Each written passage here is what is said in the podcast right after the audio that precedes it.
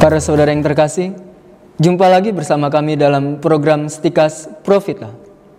Para saudara, pada sesi minggu lalu kami telah menyinggung Injil di masa Advent yang diambil dari Injil Lukas bab 21 ayat 34 sampai 35 berupa larangan Yesus untuk tidak tenggelam dalam pesta tetapi dalam sikap berjaga-jaga.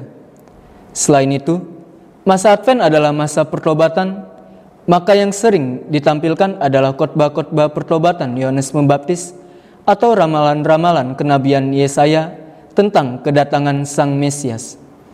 Tentu saja semua ini benar, karena masa Advent adalah masa penantian, masa persiapan untuk kelahiran Yesus Sang Raja Damai.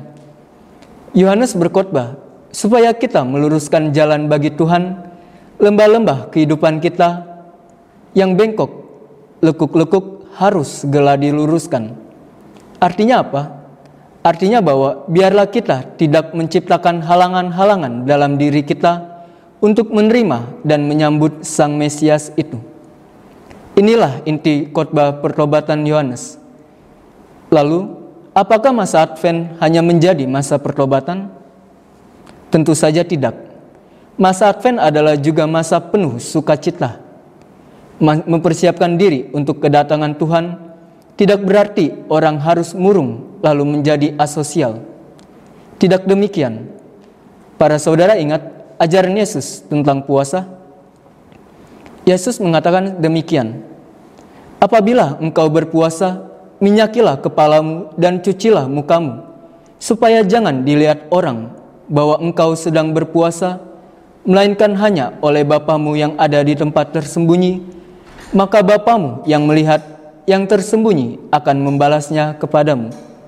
Hal ini dapat kita temukan dalam Injil Matius bab 6 ayat 16 sampai 18. Minyakilah kepalamu artinya bahwa hendaknya kita menjalankan puasa bukan dalam kesedihan atau dengan menampilkan muka muram untuk memperlihatkan kepada orang bahwa kita sedang berpuasa, sedang berjuang memerangi nafsu-nafsu daging kita, sedang berjuang melewati pertobatan.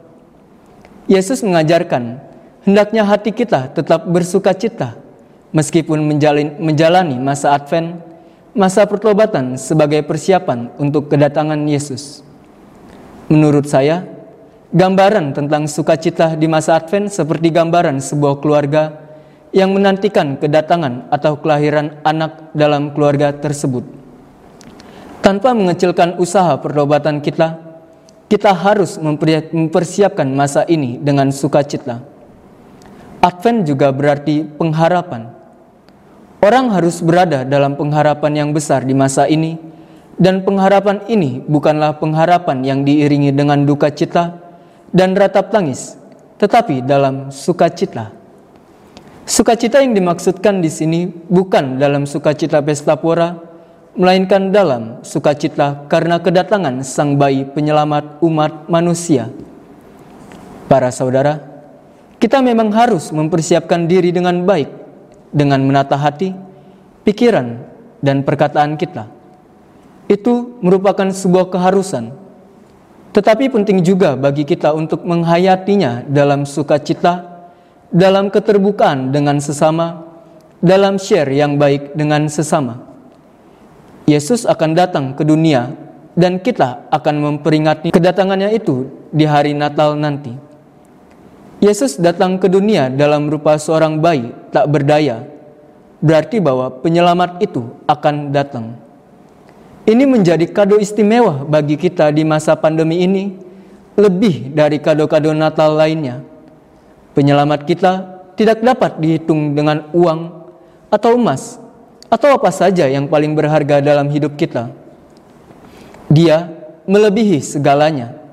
Karena penyelamat itu sangat berharga, mari kita menyambutnya dalam sukacita yang besar dan dalam pengharapan dan kerinduan yang kuat. Semoga saudara mengenal dan mencintai kebenaran sehingga akhirnya diselamatkan. Salam Profita.